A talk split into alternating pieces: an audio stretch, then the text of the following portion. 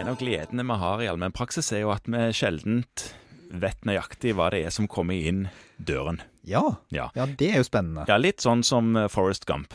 Life is like a box of chocolate. Ikke sant? Ja. Ja. Bortsett fra at alt er ikke like søtt, da, for så vidt. Så Nei. der skiller det seg litt. Men mm, det jeg skulle si, da, det var det at eh, noen ganger, og de fleste gangene, så er det medisinske spørsmål, og du er liksom på hjemmebane. ja. Det, det, det, det, det, det er dreier vel seg om. Det det dreier seg om. Ja. Ja. Men noen ganger så kommer folk og sier du, jeg lurte på sånn fremtidsfullmakt. ja. En litt sånn, litt, ikke veldig gammel, men litt sånn seniorperson kommer og sier at nå har mine barnebarn og barn sagt at det burde vi kanskje snakke om. ja. Og det har du òg hørt snakk om, men du vet ikke akkurat hva det er. Nei. Altså, Og det har ikke jeg tid til å sitte og lære meg i detalj.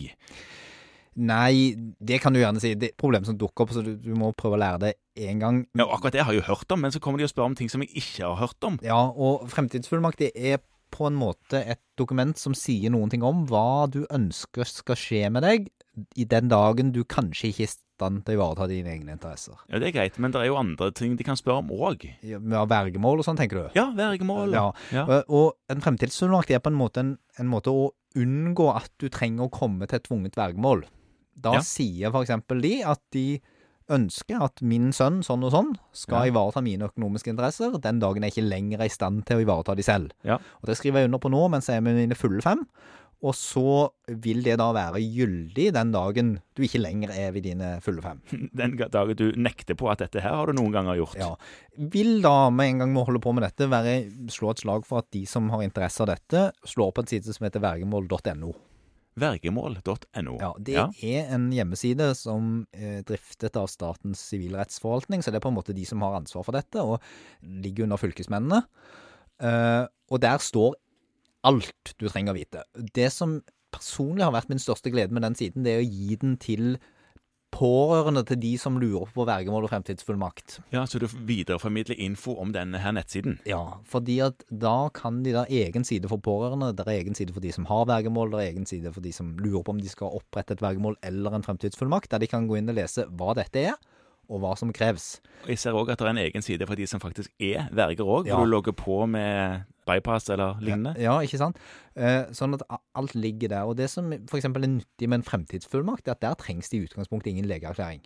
Altså Hvis folk på en måte er med sine fulle fem og kan bevitnes at de er det, så skal de ikke trenge det. Da skriver de under. De er jo myndige når de gjør dette. Ja, ja. Men så er det av og til man kanskje er litt i tvil om det, og ønsker på en måte en bekreftelse på at man er det, og da kan man få en blank legeerklæring på at i dag var jeg med mine fulle fem. Ja. Og så er det på en måte holdbart.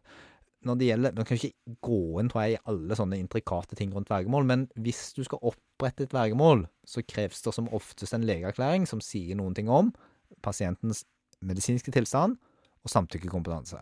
Mm. Og det må man fylle ut. Det som er fint med å bruke en sånn ressurs som dette, er det at det er alltid et pasient- eller brukerskjema som skal fylles ut. Og for min del er det i hvert fall veldig greit når de kommer med dette ferdig utfylt på konsultasjon. For da har man litt mer å snakke om. Det er akkurat det. Og noen ganger skal vi krysse av hvorfor man skal ha dette vergemålet òg. Ja, og det kan begrenses. Det kan være et hjelpeverge, eller Ja. det kan være et fullstendig verge, og det kommer litt an på situasjonen. Ja. Det viktigste er at man har en mulighet til å sette seg litt inn i dette, og at både pasient og pårørende forstår hva dette går i. Mm. Og det da kanskje har gitt de litt sånn hjemmelekse med å forberede seg på å lese seg litt opp, må man lese seg litt opp selv også, det gjør at denne prosessen går veldig mye videre, og folk vet hva de har i vente. Så hvis du er i tvil, gå inn og, og les litt på den siden der. Der står også mye på fylkesmennene sine hjemmesider, og der står mye på lovsider osv. Der kan man på en måte hente de opplysninger man trenger, og de dokumenter som er nødvendige. Så her er det en liten hjelp til de som ikke helt er jurister. Ja, eh, det er jo heldigvis for oss, kanskje Cato, men bortsett fra det, så Ja, det er Cato og Torstein og den gjengen. Ja. Men, eh, men for oss andre, da, så har vi dette, blant annet. ja, Og så er det kanskje minne om det, at for en fremtidsfullmakt så trengs det i utgangspunktet ingen legeerklæring, det må bare være vitner til stede for å signere fullmakten. Ja.